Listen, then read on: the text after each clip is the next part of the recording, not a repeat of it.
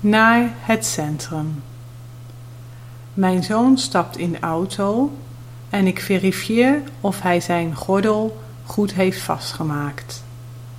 Ik stap zelf ook in, doe mijn gordel aan en start de auto.